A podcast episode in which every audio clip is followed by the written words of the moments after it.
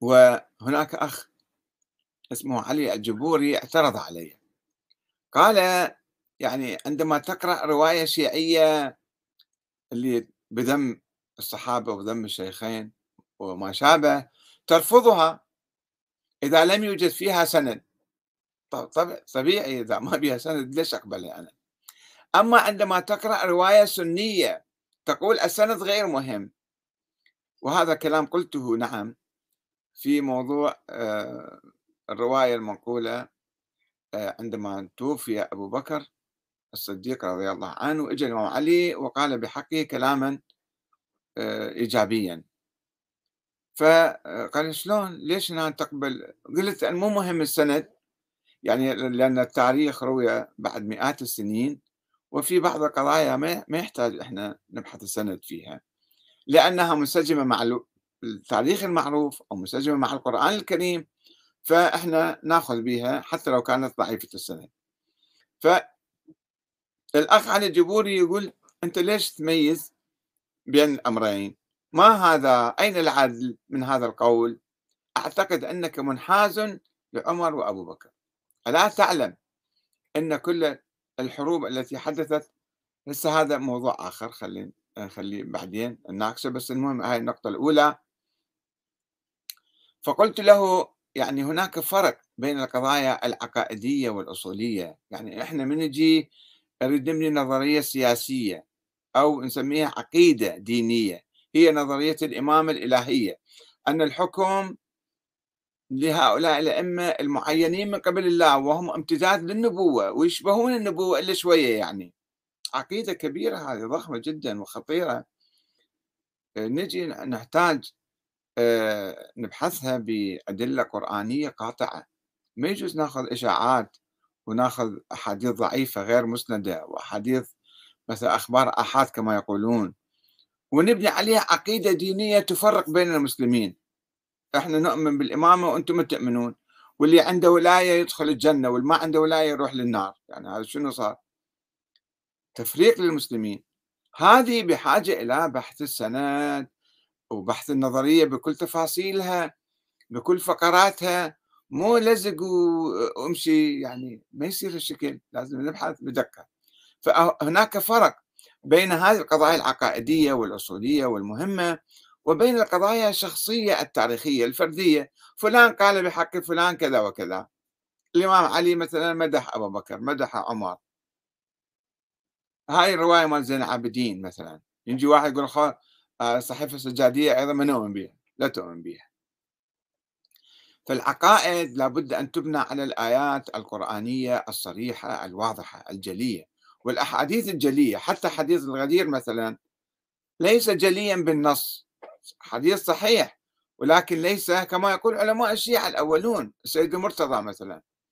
وعلماء لاحقون حتى الطبرسي آه، في فصل الخطاب عنده كلام حول الموضوع أنه هذا حديث الغدير مو نص جلي بالإمامة. قبل 100 سنة هذا معروف. فصل الخطاب في إثبات تحريف كتاب رب الأرباب. يقول في هذا الكتاب وليس فإذا ما يمكن نبني هالعقيدة على أخبار آحاد ضعيفة مشكوك فيها أو على إشاعات وأساطير ومعاجز وهمية. أنه هذا ما هو الدليل على صحة نظرية الإمامة؟ يقولون في عندنا معاجز على الأئمة. طيب عندكم نصوص؟ يقول لا ما عندنا نصوص. عندكم وصايا من واحد لآخر؟ لا ما في وصايا. طيب شلون أنتم آمنتوا بهالسلسلة وبهالنظرية؟ يقولون الأئمة كانوا يسوون معاجز. إحنا آمن. كيف تثبتون هالمعاجز؟ وأولها معجزة تكلم الحجر الأسود الإمام زين العابدين. الأسطورة يعني هذه. أو وجود الإمام الثاني عشر. كيف تثبتوا بإشاعات خلاف الظاهر وخلاف المعروف من أهل البيت وخلاف المعروف من الإمام العسكري نفسه فما يصير. هذا ما يمكن نقبل بها بدون مناقشة السند. البعض يقول لا في تواتر عليه هذا التواتر متى حصل؟ نفس الوقت ذيك الأيام لو بعد مئات السنين أو عشرات السنين. ما يفيد. ما يسموه تواتر هذا. ما يسموه إجماع. التواتر والإجماع يجب أن يكون في كل المراحل التاريخية في كل وقت. فلماذا الشيعة مثلا بعد وفاة الحسن العسكري وقعوا في عصر الحيرة. هم سموه عصر الحيرة. وتفرقوا 14 15 فرقة صاروا. يعني ما كان أكو احاديث ولا في أدلة واضحة صريحة جلية. فاذا لازم نبحث هذا الموضوع. وأما القضايا التاريخية الشخصية التي تحمل معاني أخلاقية أو حكما أو ملامح وكلمات تعزز الود والمحبة والأخوة بين المسلمين. وأهم شيء تنسجم مع التاريخ المتواتر. والقرآن الكريم. فليس مهما البحث في سندها لأنها تنفع ولا تضر. فإحنا المشكلة في يعني ذول اللي يقبلون الروايات الضعيفة التي تؤيد نظرية الإمامة، ما هي نظرية الإمامة؟ انتهت. ما موجودة. صار 1200 سنة ما موجودة. لو كانت صحيحة لاستمرت لأنها غير صحيحة سريه وباطنية ومنسوبة لأهل البيت ومركبة عليهم وواجهت عقبات كأداء ووصلت إلى طريق المسدود وانتهت راحت. فنظرية باطلة نظرية فاسدة كانت. لم تكن نظرية أهل البيت. وهاي الأحاديث السلبية مال السبائية والرافضة تنسجم مع هاي النظرية. ولا بد أن نتخلص من عندها الآن. فإذا إحنا نحقق في النظريات الأساسية والعقائد الرئيسية وتبقى الأشياء اللي هي يعني هوامش تجي أو أشياء بسيطة تنسجم مع الخط العام القرآني والتاريخي القاطع والمتواتر. ما نبحث بعد السند مال كل رواية. أما هذيك النظرية المضادة للقرآن وللتاريخ ولأهل البيت أحاديث أهل البيت طبعا نتوقف نسأل عنها عن سندها وعن منو طلعها ومنو جابها ونشوف أول واحد آه، استخرج هاي النظرية هو عبد الله بن سبأ الذي لعنه الإمام علي وكاد يقتله يعني ولعنه بقية الأئمة أيضا. فإذا إحنا ال... يعني الموقف من الصحابة نبنيه مو فقط على آه، روايات مثلا آه، مو مسندة نعم.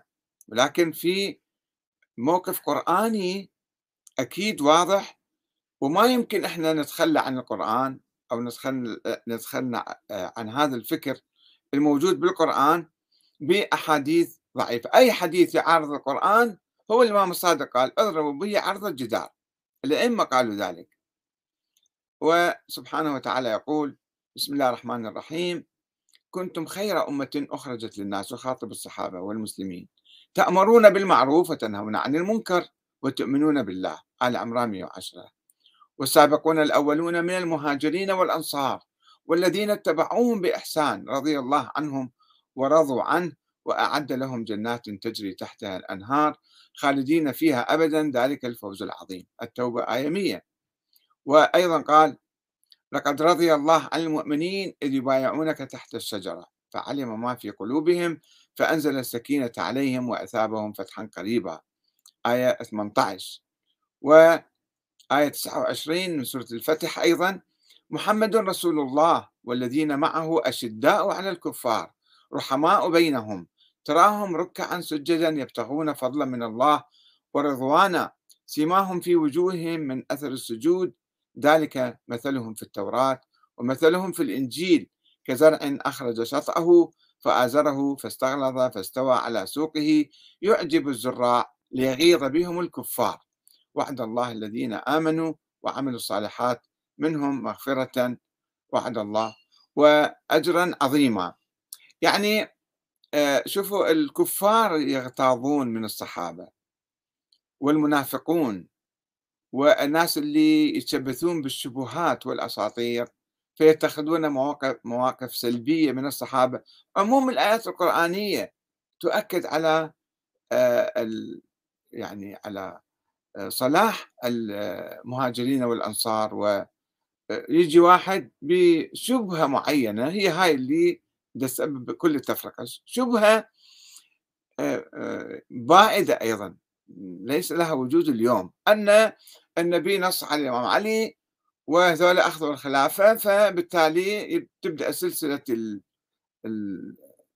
النظريات السلبية يعني. أنه اغتصبوا الخلافة واقتحموا بيت الزهراء وأسقطوا جنينها وأحرقوا دارها وقتلوها وكل الحكي هذا يبدأ منا من هذه الشبهة.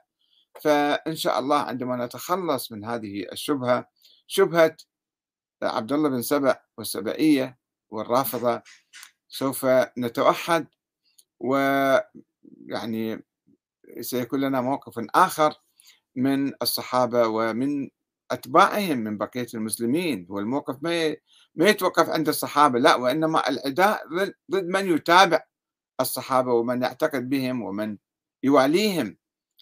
آه الله سبحانه وتعالى يقول واعتصموا بحبل الله جميعا ولا تفرقوا واذكروا نعمة الله عليكم إذ كنتم أعداء فألف بين قلوبكم فأصبحتم بنعمته إخوانا وكنتم على شفا حفرة من النار فأنقذكم منها. كذلك يبين الله لكم آياته لعلكم تهتدون. وإن شاء الله الله ينقذنا من حفرة من نار الفتنة التي يحاول هؤلاء الجهلة والمنافقون آه، إدخالنا في هذه الفتنة وهم يستفيدون يتاجرون يعني يقبضون الدولارات على الكلام الباطل والكلام المستفز الطائفي المثير للفتنة. والسلام عليكم ورحمة الله وبركاته.